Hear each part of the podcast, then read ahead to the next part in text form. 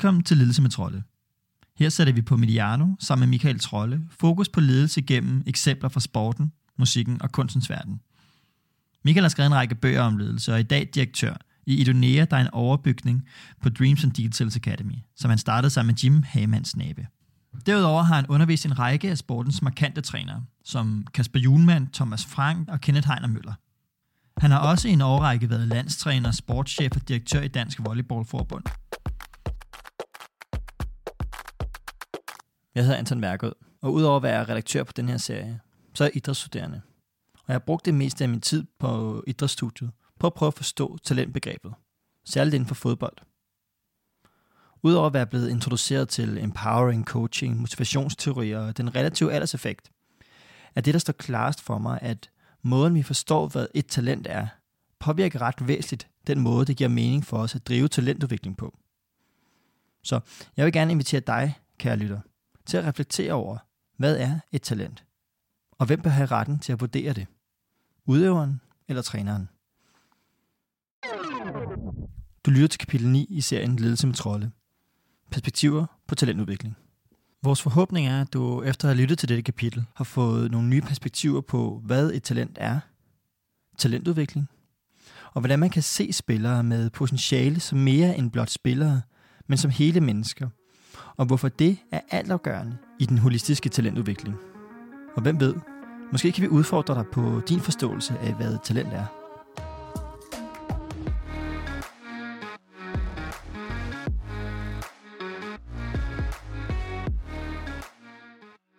Så lad os starte netop der.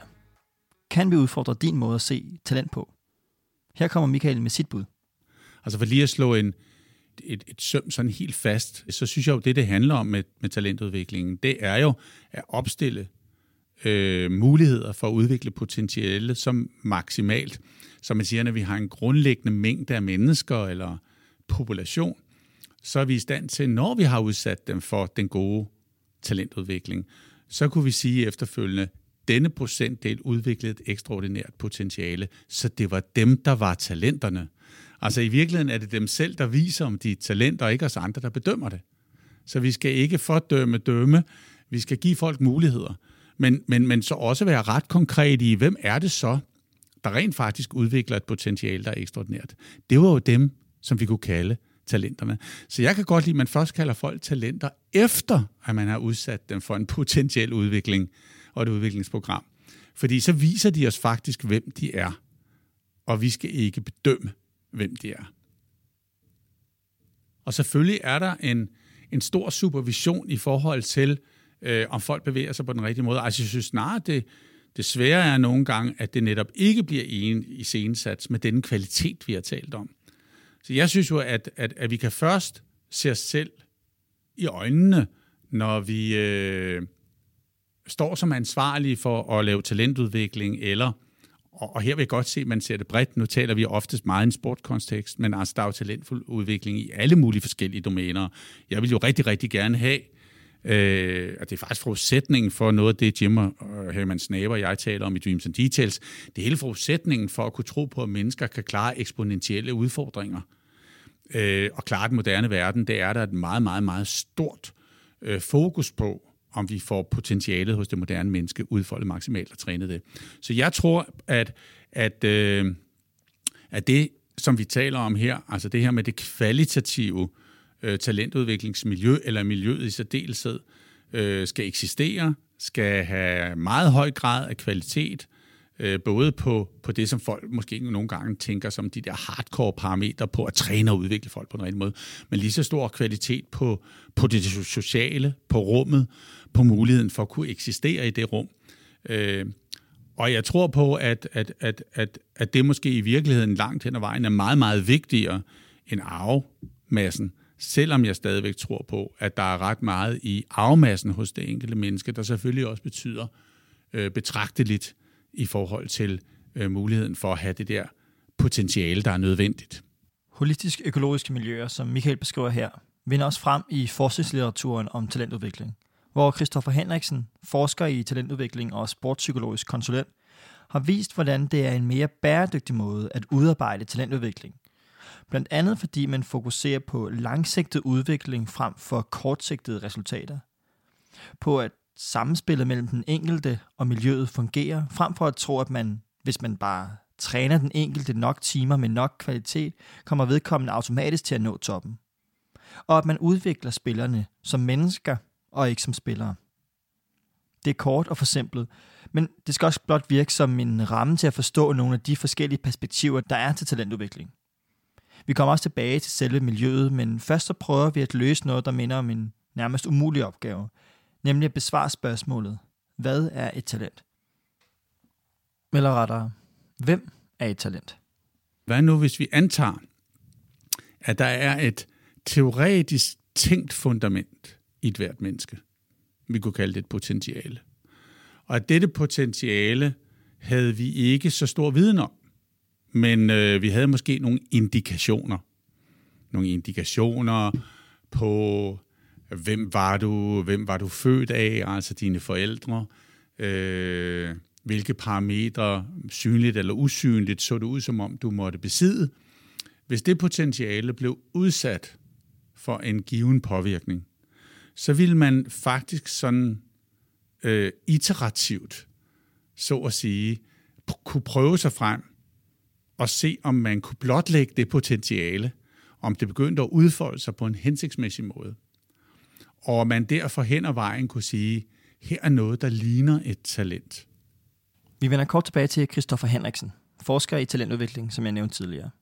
Han beskriver de facetter, der udgør et talent som antropometri, fysiologi, psykologi, din personlighed, sociologi, som kunne være din familie og din omgangskreds, og så motorik, som de fem parametre, et talent skal kunne indeholde.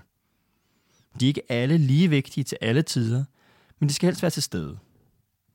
Og i stedet for at se disse fem aspekter af et individ, og så på forkant vurdere, hvem der kan udvikle sig mest og kalde dem talenter, mener Michael, at vi skal give den enkelte muligheden for at udvikle sine potentialer. Og så kan vi på bagkant vurdere, om vedkommende var et talent. Men hvordan skal talentudvikling eller udfoldelsen af det menneskelige potentiale så struktureres, hvis man ser talent på den her måde? Så jeg kan jo godt lide, at det er en bred trakt. Det, i, I den her verden, hvor vi har så mange muligheder, der skal vi sørge for, at vores, at vores børn, eller det moderne menneske, eller dem vi leder for, eller hvad det nu er, at vi sørger for, at folk får mulighederne for at afsøge øh, deres talent igennem at blive udsat for en potentiel udvikling inden for de områder. Så jeg synes, det allerbedste, øh, det er, jeg kan huske, at, at Merete Eldrup, da hun var chef for TV2, hvor jeg talte med hende omkring det her, sagde til mig, øh, Michael, øh, fordelen ved at have sådan en stor mediekoncern, som TV2 er, sagde hun, det er jo, at vi har så mange muligheder for at sætte folk i spil. Øh, og øh, man kan ikke altid vide, hvem det er, der bliver en, en Mr. News eller en Miss News. Men når der pludselig er en, der rækker hånden op i flokken og siger, jeg kunne godt tænke mig at prøve at være oplæser på TV2 News, så siger vi måske ikke til at starte med, det tror vi ikke på. Men vi giver folk en mulighed. Og pludselig er altså nogen, der, der slår igennem øh, against all odds, som vi aldrig kunne have rekrutteret til det. Men hvor det er det at teste det ud med mennesker, give dem muligheden, specielt hvis de har engagementet. Hvad enten det er, fordi de mærker, de kan det let, eller de virkelig gerne vil det, men har svært ved det, men alligevel godt kan, fordi de ved det så meget, at man så giver dem den mulighed og ser den udfoldelse. Når vi siger, at en persons talent eller potentiale ikke nødvendigvis kan blotlægges tidligt i vedkommendes udvikling, siger vi også, at man som individ bliver nødt til at søge forskellige steder hen, for at få en fornemmelse for, hvor man kan og vil udvikle sig. Men det kræver til gengæld også, at man får muligheden der, hvor man søger hen. Jeg tror, man er nødt til at være søgende som mennesker, og heldigvis er der store muligheder i dag, fordi vi er hjulpet den verden, vi lever i. I gamle dage skulle man måske køre ned på musikskolen for at lære at, slå, at spille nogle akkorder og se, om man kunne synge. Øh, I dag kan du jo gøre det på nettet. Du kan sågar få de digitale øh, programmer til at fortælle, om du synger falsk eller rent, øh, og, og, og, og hjælpe dig den vej rundt. Så du, du kan afprøve mange ting som mennesker i dag, og det har vi jo talt om i andre programmer også, og det er faktisk også nødvendigt, fordi vi kun har den her maksimale biologiske levetid på 80-100 år men skal have mennesker i fremtiden, der kan så betragteligt meget mere, end vi andre kan. Derfor er det rigtig godt, at de her udviklende og, og læringsplatforme, de ændrer sig. øh, det moderne menneske bare lære at, at bruge det på en hensigtsmæssig måde, så man kan være menneske i det. Og det er en lang og en helt anden historie. Men jeg tror, det er nødvendigt, at vi får at vi bliver nødt til at teste af for at finde ud af. Og, og jeg har for eksempel fornemmelsen i, i, med den alder, jeg har i dag, at der var noget andet. Der var mange ting i livet, jeg ikke fik testet af. Og som jeg godt fornemmer, det kan jeg ikke nå nu. Øh, også fordi jeg vil stadigvæk godt blive det, jeg er i, og være god til det, jeg er i. Men dybest set ved jeg jo ikke, om jeg har et skjult potentiale, som aldrig er blevet forløst. Fordi jeg aldrig har været ude at teste det af. Så derfor er det også ret farligt, når vi nogle gange forsøger at prædefinere vores måske grundlæggende antagelser om, hvad et andet menneske kan. Øh, jeg synes for det første, at det er langt mere næstekærligt og respektfuldt at sige, at vi er åbne over for mennesker, kan indeholde potentialer, og vi prøver at skabe muligheder for, at de kan udfolde det. Vi skal måske bare være bedre til at lade den udfoldelse være, som jeg siger, iterativ, altså af kortere perioder med større kvalitet og med større konsekvens i forhold til at sige til det pågældende menneske, øh, prøv at søge nye veje. Men vi ved også med talentudvikling, at nogen har et kæmpestort potentiale, og uden meget stor arbejdsindsats udfolder det så meget hurtigt, og det bliver ret gode hurtigt. Og måske øh, erfarne, de faktisk lærer at gøre sig umage, fordi det kommer nemt til dem. Og andre har et lavere potentiale, men er rigtig, rigtig dygtige til at være vedholdende. Og derfor kan du have to personer, der når til, man kunne kalde det det samme potentiale indeks, øh, af to vidt forskellige veje, som måske så også nogle gange er det, der er afgørende for, øh, hvilken vej de vælger. Fordi sådan er de som mennesker. Og mine informanter, alle med mere end 20 års erfaring inden for talentudvikling, nævnte, at de havde taget fejl i vurderingen af rigtig mange spillers potentiale. Og på baggrund af de erfaringer vil de ofte hellere indrette et system, hvor så mange atleter som muligt får muligheden for at udvikle sine evner i et trygt miljø, uden at skulle selekteres til eller fra. Og det er det, vi her kalder den brede trakt. Altså jeg tror, at det er stadigvæk helt okay, at man taler om, at der er nogle mennesker i den her verden, som har en exceptionel dømmekraft i forhold til at, at kunne vurdere, om et, et, et, et menneske har et givet potentiale inden for et, et givet domæne. Og vi har jo talt lidt før omkring det her med, med dømmekraften, og hvordan udøver man den. Ikke? Og her kan jeg faktisk godt lide at bringe det ind, også at sige, at, at jeg synes, at jeg tror, hvis du øh, med min volleyballerfaring lukker mig ind i en idrætshal med en masse unge mennesker, så tror jeg, der vil være en del af dem, jeg vil kunne identificere som, som havende et ekstraordinært potentiale, og som gennem den rette udvikling kunne blive få øh, prædikatet efterfølgende at være et talent. Men jeg tror, jeg ville overse nogen. Og det er det, der er det problematiske. Øh, jeg vil overse nogen, og specielt inden for idrætten, fordi nogle af dem vil være fysisk udviklet mindre end andre, på trods af, at jeg måske så på den samme aldersgruppe. Den problemstilling, vi kender i mange idrætsgrene, blandt specielt drenge i puberteten, ikke, som har så stor øh, forskel i, i, i, i alder, øh, biologisk set, men, men i virkeligheden ligger i samme alderstrin rent øh, øh, fødselsstatusmæssigt, kunne man sige. I et webinar afholdt af DBU's vidensplatform Playmaker, nu kaldt Game Changer, om biologisk modenhed og relativ alderseffekt, forklarer Rasmus Porse, at personer, der er født i samme kronologiske år, f.eks. 2003, kan i deres biologiske alder være adskilt med op til fire år, hvilket viser sig i både deres fysik og kognition. Og grunden til, at jeg vil kunne identificere nogen, det er, at min dømmekraft er meget stærkt inden for det her felt, fordi jeg for det første har styr på mange objektiver. Altså jeg vil kunne få stor objektiv viden, fordi jeg vil kunne tale med mange, der ved noget om dem. Vi vil kunne måle mange ting. Men jeg vil også have en meget stor intuition, som er en meget, meget stor og vigtig del af dømmekraften. Og så vil jeg have en ret god fornemmelse af, hvad jeg ikke kunne bedømme. Og det vil styrke, det vil være de tre elementer, som var grundlæggende for, for min dømmekraft i den sammenhæng. Og dem vil jeg kunne sætte i spil, og det vil jeg kunne bruge til at identificere en vis del af gruppen. Men der vil være nogle sammenhænge, hvor min dømmekraft ville være svækket, fordi jeg ikke havde de data, jeg havde ikke den intuition eller viden om. Og der er risikoen jo, at hvis jeg så blev den, der skulle vælge til og fra, så ville jeg måske vælge nogen fra, som øh, senere hen vil blive de allerbedste. Øh, og også her vil jeg godt vende tilbage til, til det, jeg sagde måske i starten omkring, hvor multifacetteret det her, eller hvor komplekst det er, at selvom at min dømmekraft vil være stærk, grundet af, at jeg er den person i det domæne, øh, øh, så vil der sikkert være ting, der var involveret, som jeg alligevel ville overse, øh, som spiller en stor rolle, vil det vise sig senere hen. Ikke? Og her tænker jeg faktisk meget på det, som ikke nødvendigvis ligger i sportsrummet, men som ligger i dette menneskes eksistens. Øh, altså alt, hvad der er om det på, omkring det pågældende menneske. Og der tror jeg, det er vigtigt, at vi allerede nu, altså også når vi taler om det, understreger vigtigheden af, at den her rejse for det her menneske, som vi jo nogle gange siger, skal have mod til at være et talent, eller forpligtes igennem sit talent, at det er en, en hård og, og, og vanskelig rejse, og det sker oftest for et meget ungt menneske, som ikke har livserfaring. Og det kan være ganske hårdt. Øh, og derfor spørger vi jo os selv en gang imellem. Jeg kan jo godt lide det her med at sige, nogle gange, når du opnår ting i livet, der er livseleksier, altså der er fantastisk at være i, så er det som regel altid født ud af også, at der er en bagside. Eller i virkeligheden er det yderpunkter i et interval, hvor i du lever dit liv.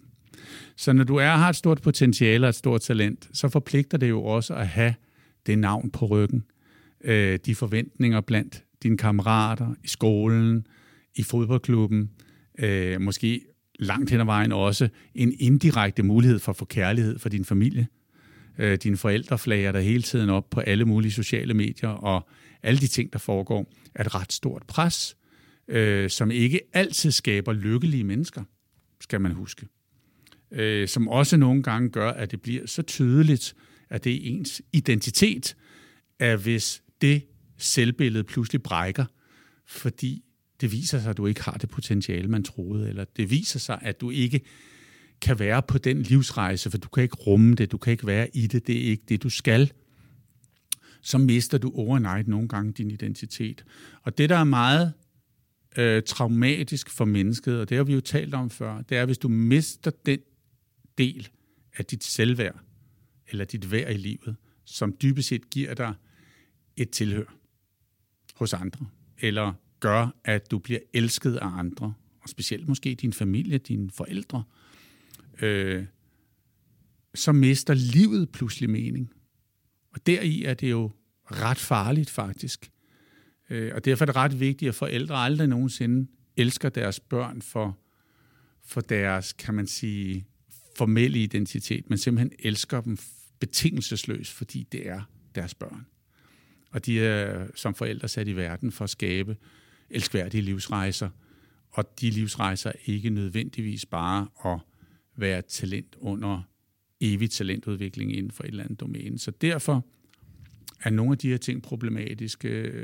Og vi ser for eksempel nu her på bagkanten, at OL, hvor mange der ryger ind i det, vi kalder OL Blues-agtigt. Altså, der er mange, der ikke har været på den OL-rejse på den måde, de havde håbet. Men vi, der sidder og kigger på det udefra og begejstrer os over det, er så begunstiget, at vi dybest set kun skal være en del af det i 14 dage. Vi, øh, vi ser slet ikke det. Og medaljerne bliver flaget op, og alle og det hele. Og en lang, lang større procentdel af de her mennesker er ikke nødvendigvis lykkelige. Heller ikke under, fordi det er et kæmpe pres. Men lykkes det for dem, bliver det den der, det der supernarrativ, den lykkelige historie, øh, så bliver det jo en så vigtig del i deres liv, så de lever med det andet.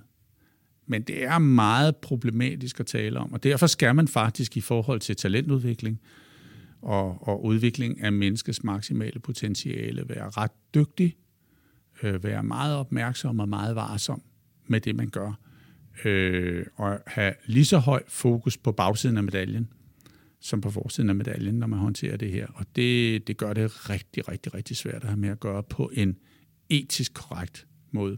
Ja, for hvordan sikrer man, at spilleren også får en ordentlig livsrejse udenom vedkommendes ofte meget udpræget sportsidentitet? I løbet af en talentudvikling, hvor der trods alt også er virksomheder, der har kroner og øre på spil på baggrund af de her børn og unges liv. Det gør det også meget, meget, meget vanskeligt, fordi det øjeblik, at de her professionelle interesser kommer ind over, så taler vi jo forretning, så taler vi om nogle andre motivationsparametre, for dem, der sidder og ser på det den vej rundt, så bliver talentet jo i virkeligheden et, en ressource i en business case, som du på en eller anden måde har et andet mål med, end nødvendigvis at, at tage øh, det hensyn, der måtte være til det enkelte menneske. Øh, og det er jo derfor, at jeg synes, at mange af de her ting bliver enormt spændende og, og tapper ind i hinanden. Når man begynder at forstå nogle af de her lag dybere, så begynder man at forstå, hvor vigtigt det for eksempel også er, at en head coach, selv i en professionel klub, rent faktisk kærer sig omkring det her.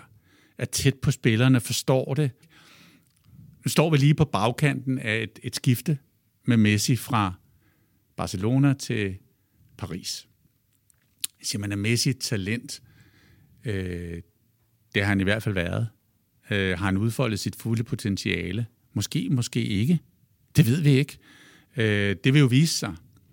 Men bare dette menneskes livsrejse, hvis vi også sammenligner det med et talent, der jo nogle gange kan blive flyttet rundt, ishockeyspillerne i, i NHL for eksempel, ikke, som overnight kan blive flyttet rundt.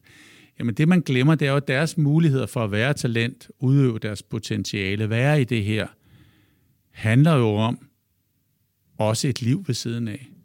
Og Messi, der flytter til Paris nu, hvad med hans familie, hans børn, som har deres venner i Barcelona, hans kone har måske, og han selv, hele deres personlige netværk, når han ikke spiller fodbold.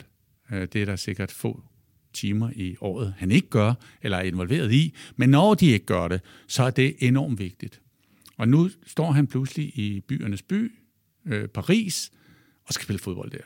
Flytter han familien med? Det kan jeg da være usikker på. Bliver børnene glade for, at deres far nu er endnu mere væk, fordi han ikke kan køre hjem fra træning? øh, og være sammen med dem, når de kommer hjem fra skole. Øh, det betyder rigtig meget. Og derfor så er han jo dybt splittet sikkert nu. Så når han står og bliver ked af det for at sige farvel til Barcelona, så tror jeg, det er de tanker. Det er ikke kampene. Det er ikke fodboldholdet. Det er ikke kamp nu, øh, som han ikke skal spille på mere ved eneste weekend. Det er, at han tænker sin familie. Jeg efterlader dem. Øh, alle de her ting. Det bliver han ked af. Og selvfølgelig kan han sagtens smile, når han kommer til Paris, for der står en masse glade mennesker og klapper af ham. Nu skal du spille fodbold sammen med Mbappé og Neymar, og det bliver nok helt fantastisk. Ikke? Det tænker vi andre også. Sikkert hold, de får. Øh, der står altså et menneske midt i det her, der skal fungere. Det skal man være ret dygtig til at håndtere og forstå. Øh, og det samme med talentudvikling. Altså grunden til, at jeg giver det eksempel med Messi, er jo, at vi kunne se det her øh, være nøjagtigt det samme billede for et, ungt dansk menneske, der skal tage beslutningen om at sige ja til som 12-årig at flytte på Dronning Margrethe-kollegiet, øh, som balletelev på det kongelige teater, eller man siger ja til et af de gode talentudviklingsmiljøer i Danmark og skal på højskole tidligt og forlade alle sine gode kammerater i B93, eller hvor man nu har været ungdomsspiller. Øh, alle disse ting har en kæmpe, kæmpe indflydelse. Det, det er meget, meget komplekst at have med at gøre. Øh, og nogle gange kan det være så vanskeligt, at man, og så, så udfordrende, og så krævende for de her unge mennesker. Den eneste grund til, at jeg synes, det er, er, er interessant at diskutere, også har været en stor del af, er jo, at, at skaber noget helt fantastisk, når det lykkes. Øh, og det skaber noget godt for langt de fleste. Øh, men det er voldsomt svært at gøre det ordentligt. Altså det er jo tit, man bliver spurgt om, hvordan, hvordan udfolder man så menneskets maksimale potentiale. Og det synes jeg altid har været utrolig spændende, fordi jeg har jo stået i situationer med, med spillere jo i, i volleyball, som er dem, jeg har haft, primært haft ansvar for, og nogle gange ikke kunne forstå, at den der sportslige udvikling, den kom bare ikke. Altså den, den udeblev, ikke? Øh, og var fuldstændig blind over for, at det var nogle helt andre steder, jeg skulle lede og løse opgaver først, før jeg virkelig kunne få den sportslige udvikling øh, til at folde sig ud. Og øh, inden jeg ligesom, ligesom vil gå ind i det, så er der egentlig en meget sjov anekdote, man jeg kunne fortælle nu, ikke? hvor, og jeg husker det lige så tydeligt, vi havde trænet Holte tilbage i tiden, så var det sådan, at det var et, et meget, meget, meget forpligtende system. Vi kaldte det Holte ånden, men det var et meget forpligtende system. Det betyder rent faktisk, at man kun ikke melde fra til, til træning. Øh, man, øh, man meldte fra til sit hold ved at ringe til sin træner, det var mig.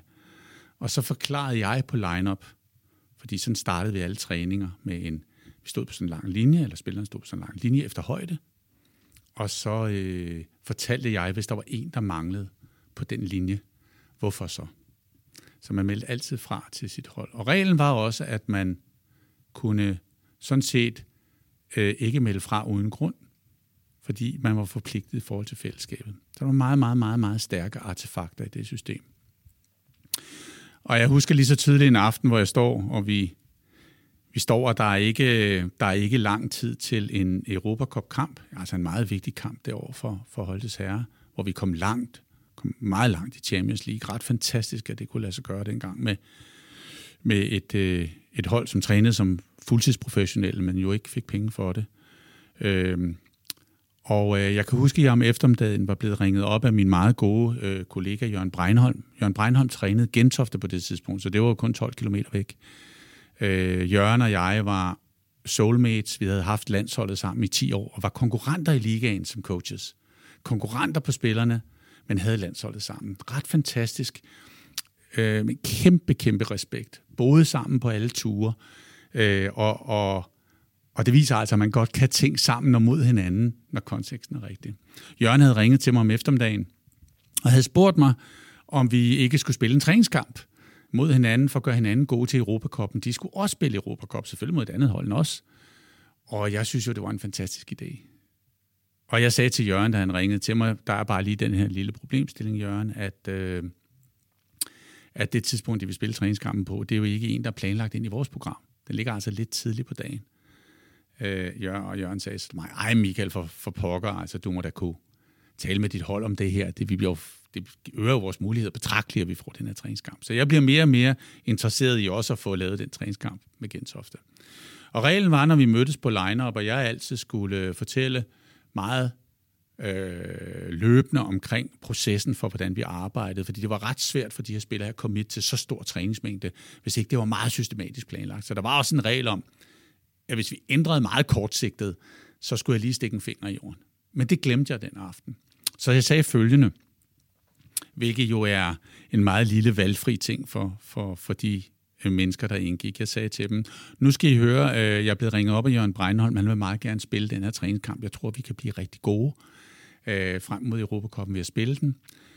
Men jeg er godt klar over, at normalt er det problematisk, at vi laver de her kortsigtede ændringer. Så øh, nu synes jeg bare lige, at vi skal lave vores indledende opvarmning, og så kommer, kommer jeg lige rundt og spørger ved enkelt af jer, om I kan spille den træningskamp. Hvis der er nogen, der ikke kan, så gør det ikke noget. Så spiller vi bare med nogle af de yngre spillere på holdet. Det er udmærket at få testet dem inden en Europacup-kamp. Det kunne jo være, at vi har brug for større bredde i holdet, når vi spiller Europacup-kamp. Og det, der selvfølgelig strømmer igennem hovedet på de etablerede spillere, er jo øh, med det samme. Min plads er under pres. Hvad nu, hvis jeg ikke kan spille træningskampen bliver jeg så sat af til Europacup-kampen, der var deres helt store drøm. Så da jeg gik rundt og spurgte alle, og især på line-up efter træningen, kommer alle til træningskampen i næste uge, så var der jo fuld commitment. Og jeg kunne gå hjem til min kone Karen og sige, det er altså helt fantastisk med det her hold. Selvom jeg laver kortsigtede ændringer, så vil de alle sammen gerne være med. Er det vidunderligt, det følgeskab, jeg har?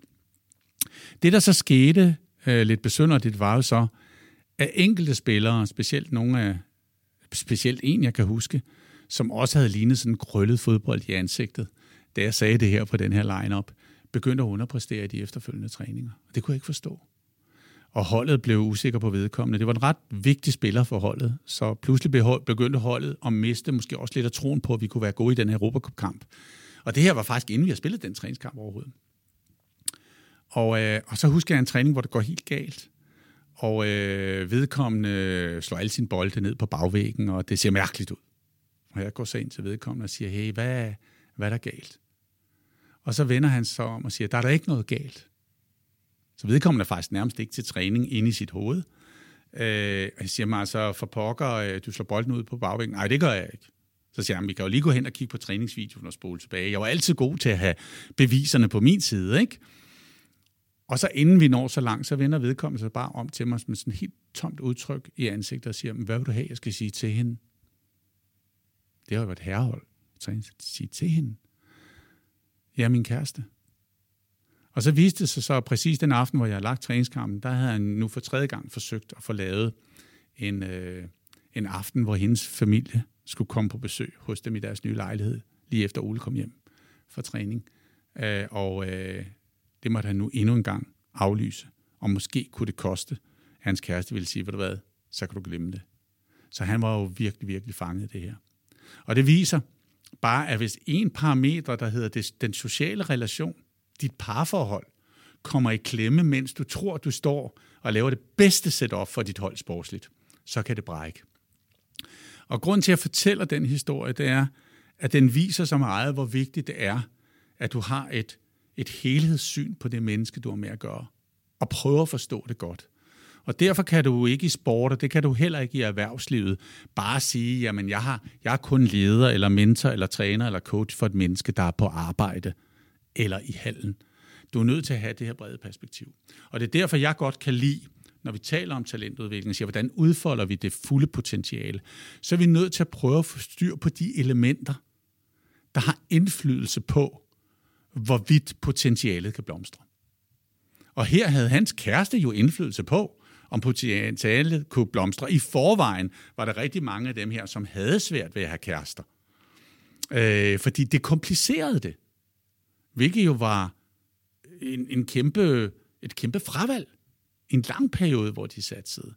Og derfor blev jeg meget betaget af, af den forskning, som Simonton lavede, hvor han talte om elementer. Han kaldte det multipler, man kan også kalde det forudsætninger elementer, hvor han ligesom sagde, når du skal udvikle et maksimalt potentiale, så må du kunne finde seks eller otte grundlæggende elementer eller parametre, som du kærer dig omkring. Og der bør vi jo være vi nødt til, at, altså, som, som, som talentudviklere eller potentiale forløsere, der er vi nødt til at prøve at kende dem, og så for hver af dem, prøve at kalibrere dem og intensivere deres udfoldelse. Og nogle gange er de hinandens forudsætninger, så mens du øger et element meget, så er det måske på bekostning af, at alle andet element handler, halter lidt. Så i virkeligheden er vi lidt tilbage til det, vi talte om i gang med motivationsklaviaturet, at de her elementer, det er ligesom det er ligesom musiktoner, og de skal klinge rigtigt. De skal bevæge sig rigtigt og give the real sound i at få det her potentiale foldet maksimalt ud. Og det er også derfor, det er et problem, vil Simonsen sige, at hvis en ballet elev på det kongelige teater ikke har en god familie og nogle forældre, der supporter det, så er de dybest set i Simonsons optik, har de ikke potentialet. For det kan kun udfoldes, hvis de er rigtig dygtige som fødte balletdansere, men hvis de ikke har forældre i det element, det sociale element, der skal understøtte det, der vil understøtte det, så har de jo ingen forudsætning for at udfolde det andet. For forældrene er en forudsætning for, at de kan deltage i det program, for de er så unge, at forældrene skal køre dem frem og tilbage til Kongens Nytorv tre gange om dagen nogle gange. Så det Simonton har gjort, det er, at han siger, at vi skal have styr på de elementer. Og så er det spændende ved det, det er, at hvis vi kan kalibrere udviklingen af disse elementer, rigtigt, således at det føles naturligt og balanceret i, i timingen for de mennesker, vi bevæger fremad. Og vi samtidig sikrer den her elskværdighed af deres rejse, uden at det bliver for meget, uden at det kun bliver deres identitet, men stadigvæk med en stor elskværdighed omkring det, så skaber vi de der elskværdige rejser for, for, for talenter, og så får de, vi det maksimale potentiale udviklet. Og det, der er interessant, synes jeg, ved Simonson, det er, at han så siger, at hvis man laver praksisforskning på det her, så ser det ud som om, at de der centrale elementer, som vi ligesom kan udkrystallisere fra det domæne, vi udvikler i. Så hvis det er sport, så indgår der selvfølgelig meget omkring fysiologi og biologi og størrelsesforhold, som vi kalder antropometri, øh, omkring det, de kognitive evner, de sociale evner, øh, det, øh, det sociologiske omkring hele miljøet, øh, de indgår. Og der ser det ud som om, at disse elementer har en multiple sammenhæng, øh, og ikke en, en, en, en, en, en, en, en sammenhæng, hvor de bare adderes. Og denne multiple sammenhæng, grund til, at det ser sådan ud, det er, at hvis disse elementer, som Simonson i scenesætter, der får lov at udvikle sig, hvis de udvikler sig rigtigt, så bliver præstationen og forløbet og udfoldelsen af det menneskes potentiale eksponentielt. Og det ser vi faktisk ret tydeligt i de gode talentudviklingsmiljøer. Hvis vi vender tilbage til de fem parametre, Kristoffer Henriksen opstiller for at være et talent, altså antropometri, fysiologi, psykologi, sociologi og motorik, kan man forestille sig, at man som talentudvikler kan skrue på de her knapper på forskellige tidspunkter, for at få talentudviklingen i et holistisk perspektiv til at forme sig, så det ikke kun handler om at træne rigtigt, men også at talentet føler sig set, hørt og forstået. Altså det er jo at spille den helt optimale jazzmusik. Fordi det kan du heller ikke lave et partitur over. Derfor bliver det heller aldrig nogensinde optimalt. Det kan man ikke tale om. Men dem, der kan bringe det fra 70 til 85 procent måske, ikke?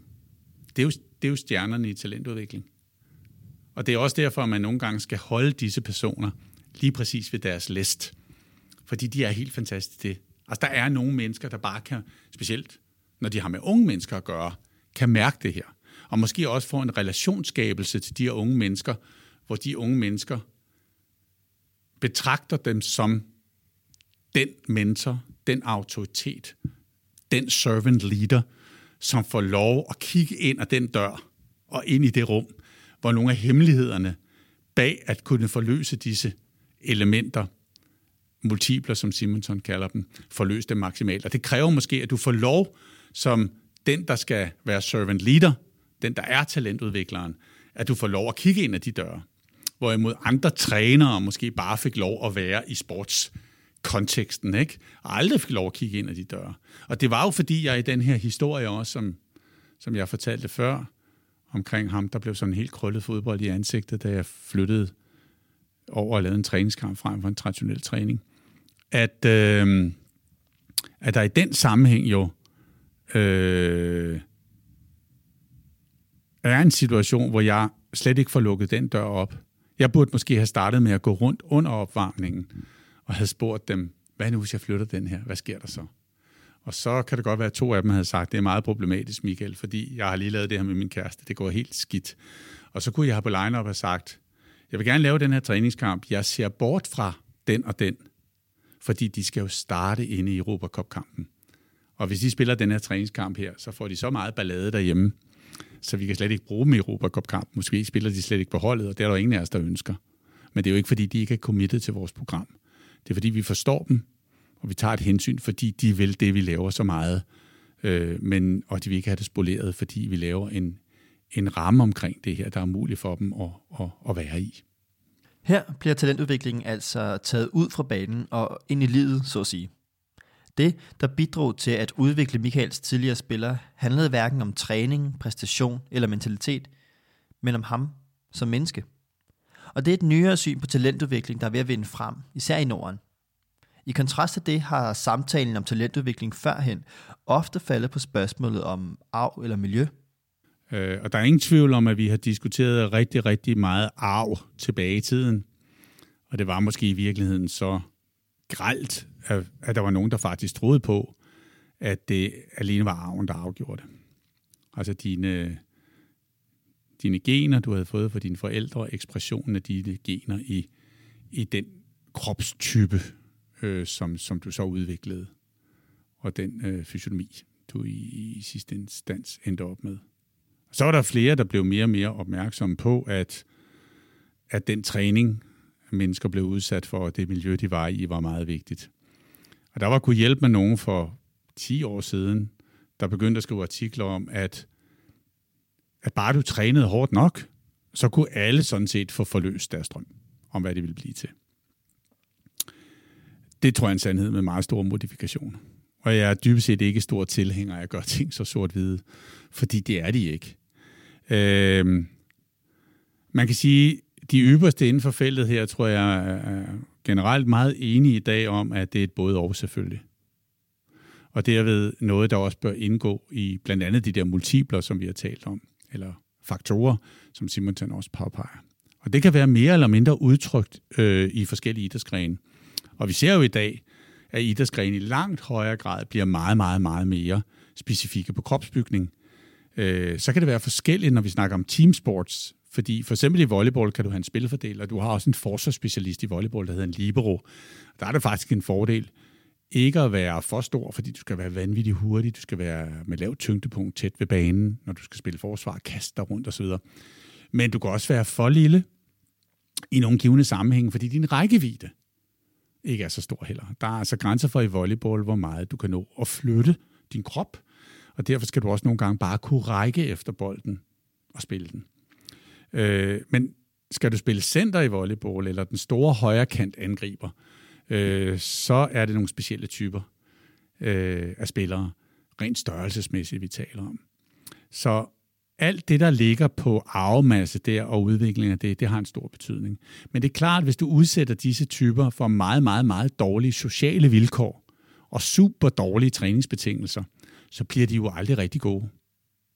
Så det er jo at gå hånd i hånd. Det er jo at kunne begge dele så optimalt som overhovedet muligt. Og derfor øh, er det sådan, som, som vi ser med, specielt med elitidræt, hvor øh, resultater og, og rekorder hele tiden bliver brudt. Det er jo dybest set, fordi man bliver dygtigere og dygtigere og dygtigere til at, at kalibrere de her ting rigtigt. Man bliver dygtigere i selektionen af øh, det helt optimale menneske inden for den idrætsgren, og den helt optimale udfoldelse af dette menneskes potentiale, som så også øh, Øh, fordrer en vis størrelse. Og derfor bliver man selvfølgelig også nødt til, når man kommer til nogle skæringspunkter, at være ærlig over for dem, man har med at gøre, og sige, øh, du får nok ikke den optimale krop til det her, så det kan ikke nytte noget.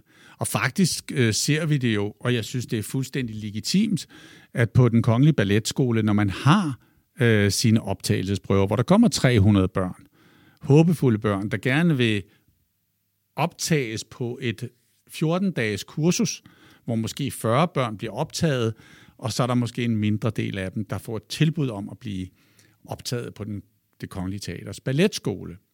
Og der har man nogle tests, som selv i den alder er fuldstændig legitime og afgørende for, om de rent faktisk, og det er ret interessant det her, et, ville kunne danse ballet, fordi det handler om, om dine hofter er bevægelige nok. Man taler om turneringen i hoften, altså hvor meget du i virkeligheden kan vende dine knæ ud af, dine ben ud af, for det gør man i en masse af ballettens bevægelser. Og hvis du ikke kan det, kan du selvfølgelig ikke blive en rigtig god balletdanser, fordi der, man har 200 års erfaring med, hvordan det skal se ud i den alder, for det ender godt.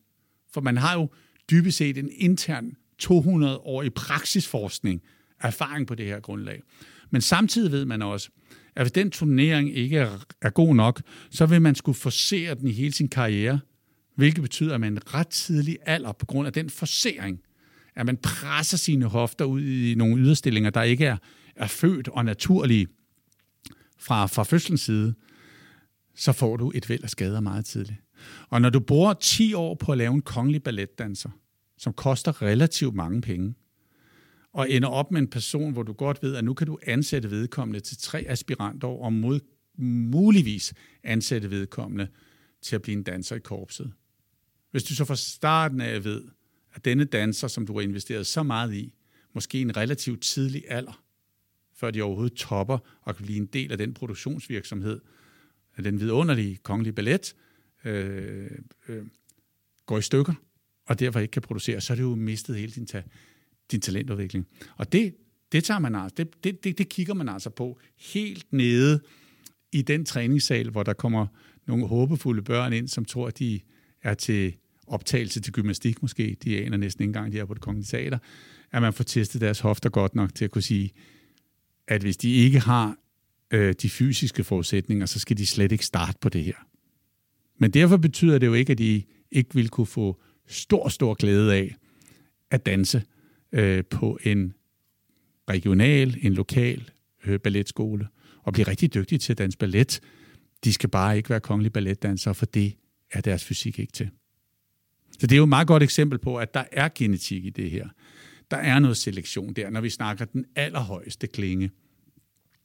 Øh, men der er også en masse andre ting omkring det, det, det, det øh, øh, i, i forhold til de miljøer, de er i, som vi må tage stilling til. Og der bliver vi bare også nødt til at være meget dygtige til at vurdere, hvor meget betyder det her så. Fordi du kan godt have personer i nogle idrætsgrene, som ikke har den helt optimale fysik, men hvor fysikken bare også betyder mindre. Og derfor kan du godt leve med det. Og derfor er det faktisk okay, og det har du så med i dine betragtninger. Men der er en tendens til, at topidræt i dag jo har nogle, nogle helt specielle kropstyper, både for mænd og kvinder, som som udgangspunkt har en stor fordel på en bred del af de positioner, der spilles i det spil. Ja, øh, øh, altså, fodboldspillere er jo heller ikke vanvittigt høje. Der er, jeg tror, der er flere, der er lavere end gennemsnittet, end højere end gennemsnittet i sammenlignet med andre idrætsgrene eller sammenlignet med, med, med normal population. Så der er nogle bevægelser i den retning. Men igen, man skal passe på, at man ikke ser det meget sort-hvidt. Når jeg har snakket med talentudviklere, sportspsykologer og folkene i Team Danmark om, hvad grundstenen i god holistisk talentudvikling er, nævner de alle sammen psykologisk tryghed som noget af det første. Men hvad er tryghed? Ja, altså jeg tror på, at, at når vi taler om det her øh, begreb om at, at skabe de elskværdige rejser, så tror jeg meget, at, at det hele dybest set skal tage, tage udgangspunkt i, at den gruppe, du er et, et, et, et, et, et, en, en person i, det tilhør, du har, øh, at det hele tiden er balanceret. Og, øh, og når vi snakker om at og, at i virkeligheden have tryghed i sådan nogle grupper, så er det måske trygheden ved at være i den der elskværdige position. Respekteret position. Øh, en, en position, hvor andre synes om dig. Og, øh, og muligheden for at være i det, kan man jo have to.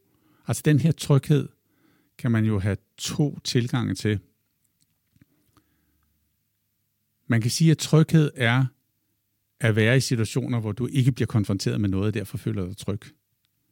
Tryghed kan også være, at du har elementerne til at klare at blive konfronteret. Så føler du dig også tryg. Og jeg kan jo godt lide det sidste. Jeg synes, at det bliver misforstået. Jeg tror, vi skal klæde folk på til at kunne være trygge mod forandring, og trygge mod øh, at blive udfordret, og trykke mod vanskelige situationer. For i derigennem at kunne kalibrere sig selv og klare sig, og derved forblive i en elskværdig situation. Altså, du, du bliver agtværdig, du bevarer dit selvværd, du opretholder din selvtillid til at kunne noget, og du kan klare dig. Det betyder ikke, at trygheden ikke i nogen sammenhæng kan, kan omfatte øh, den del af trygheden, som egentlig bare er, at du er komfortabel, og du ikke bliver udsat for noget, og derfor føler du dig tryg. Desværre synes jeg i dag i samfundet, at vi taler lidt for meget om den forkerte tryghedsfølelse. Fordi jeg tror ikke, at vi kan, kan øh, forandre det faktum, at verden bevæger sig på en måde, så det mest trygge menneske i den her verden, det er et menneske, der, der har en fornemmelse af, at de kan klare sig. Og der synes jeg faktisk, at sport er fantastisk, men også andre domæner til virkelig at lære os øh, de færdigheder. At kunne operere i systemer, hvor vi øh, ved, at hvis vi skal kunne klare os i noget og ikke er gode til det, så må vi øve os på det og træne det. Og det hjælper ikke ret meget for disse mennesker bare ikke at blive udsat for det mere så. Altså beskytte dem imod den virkelighed, som i virkeligheden rammer dem. Men det er, men jeg tror, hele det her tryghedsbegreb handler om også en balance imellem de der to former for, kunne man næsten kalde det, eller tilgange til, hvornår et menneske trygt, eller føler et menneske så trygt. Øh, og det må ikke være kun det ene eller kun det andet, men jeg tror, det handler ekstremt meget om i fremtiden, at man føler, at, at man kan klare sig. Og det er jo også det, Ryan og Daisy påpeger i deres tre basale psykologiske forudsætninger, som de synes skal være til stede for, at menneske føler, at de er midt i et meningsfuldt liv. Ikke? Og det er det der med, at de har kompetencerne til at kunne klare sig. Man føler, man, jeg kan være i mit liv lige nu med det, jeg er og det, jeg kan. Øh, men det er også det her autonomibegreb. Ikke? Altså det er faktisk evnen til at, at kunne. Og det der med at kunne klare sig er ikke nødvendigvis, at man har redskaber til at kunne klare sig. Det er også at vide vejen til at lære at kunne klare sig. Altså som er lige så vigtigt. Så det har også lidt større bredde. Ikke?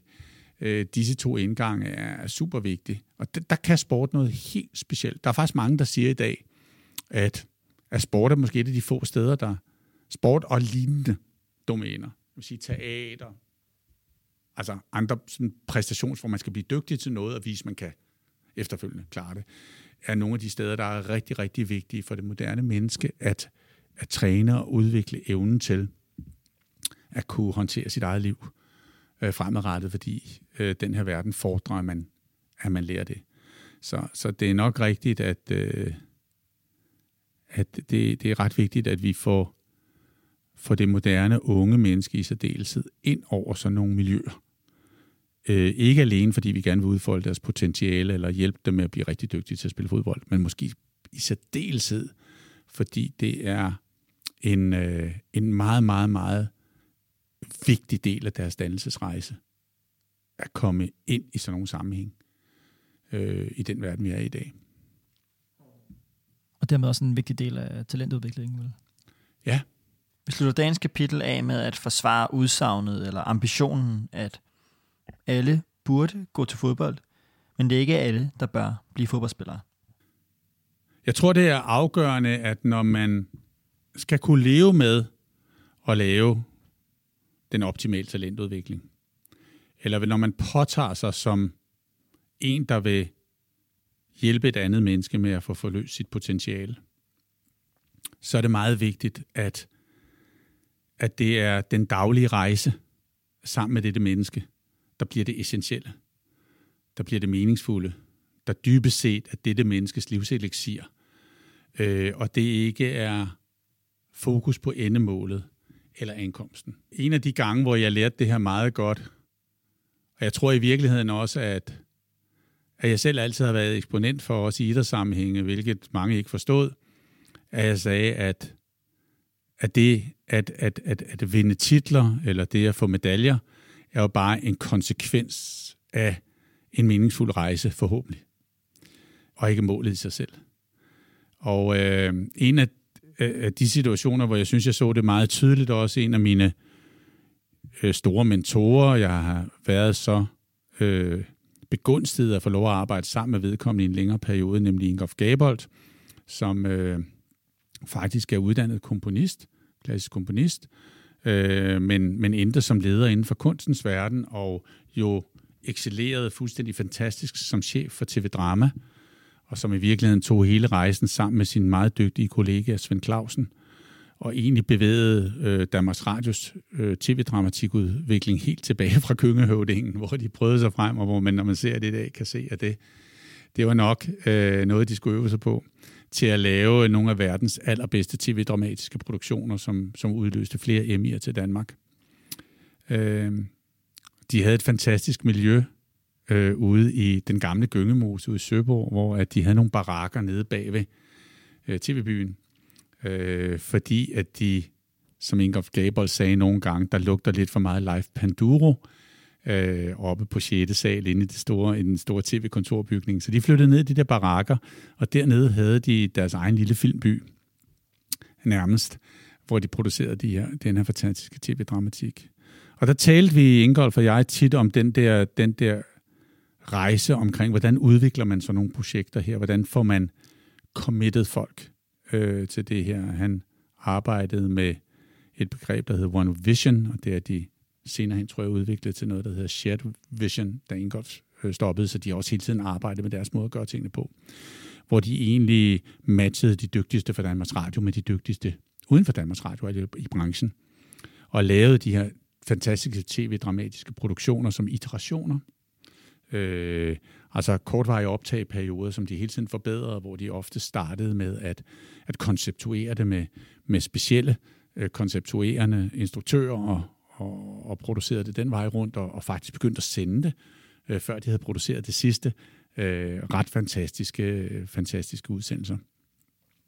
Men det, som Ingolf øh, i hvert fald lærte mig, det var, at han sagde, at at når vi skal udvikle mennesker i, i den her verden her, så er det sindssygt vigtigt, øh, at det, de er i i dagligdagen, giver meget stor mening for dem, og at de synes, det er utrolig motiverende at være i. Og, øh, og derfor var det faktisk meget essentielt for ham, at når han fik en forfatter ind i hans røde sofa, der stod sådan en stor rød sofa på hans kontor, hvor folk så satte sig ned, og så satte Ingolf sig overfor, og så fik man en, en rigtig god snak med ham om, hvad skal vi, hvordan, hvordan skal det her skrues sammen, den her nye serie. Og han gjorde faktisk langt hen ad vejen øh, forfatterne til, til kongen af serien, altså hvor man i andre sammenhænge ville lade forfatterne skrive en serie i USA, og så ville man lade nogle producenter og en instruktør instruere det efterfølgende, og forfatterne ville bare være reduceret til det, man kunne kalde standardmanuskriptforfattere. Her var det faktisk forfatteren, der udviklede serien faktisk i takt med, at man næsten producerede den og, og lavede den. Og hvis det skulle kunne lade sig gøre, skulle de her forfattere jo være meget, meget, meget motiveret for at lave den her historie, for i virkeligheden, at, at den rejse med den produktion blev rigtigt. At den var drevet af stor grad af passion og motivation, og ikke bare at skrive en, en, en, en, en tv-serie. Øh, og der kan han jo, kunne han jo komme ud for, at, at folk kom ind og, og satte sig ned og sagde, nu skal vi lave, og der skal være helikopter og det kommer til at koste en krigen af en jetjæger, og, og så kunne Ingolf jo så finde på at sige, jamen, kunne vi ikke forestille os, at det handlede om en, en almindelig politibetjent, en kvinde, som har nogle ting, hun ruder med i sit eget liv, men samtidig er hun en rigtig, rigtig dygtig kriminalbetjent.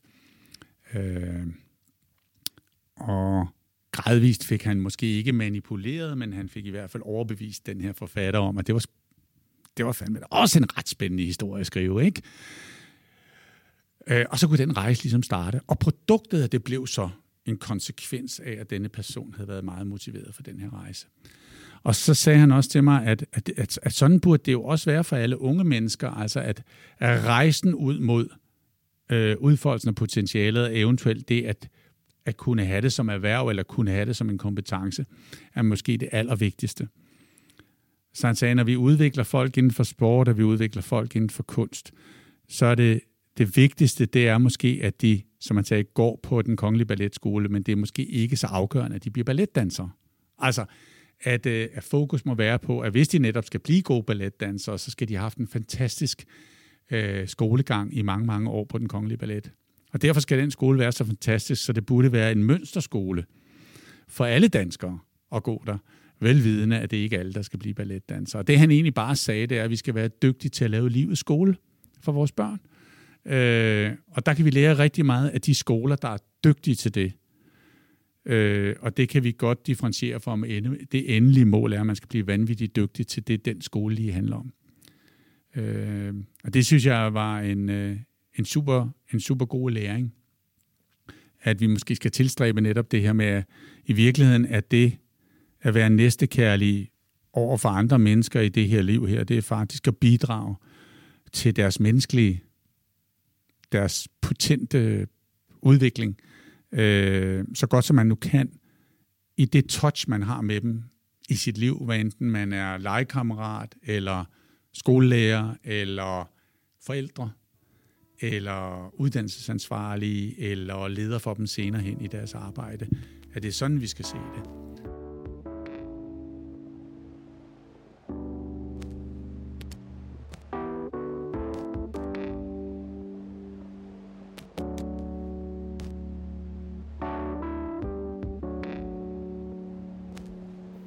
Du har lyttet til et kapitel i serien Ledelse med trolde om talentudvikling. Vi regner med, at vi laver i alt 15 afsnit i denne serie. Hvis jeg har været i stand til at inspirere dig, så håber vi, at du vil fortælle andre om serien og dele budskabet på de sociale medier. Mit navn er Anton Mærkud. Jeg er den ydmyge redaktør, og jeg siger tak, fordi du har lyttet med. Vi høres forhåbentlig ved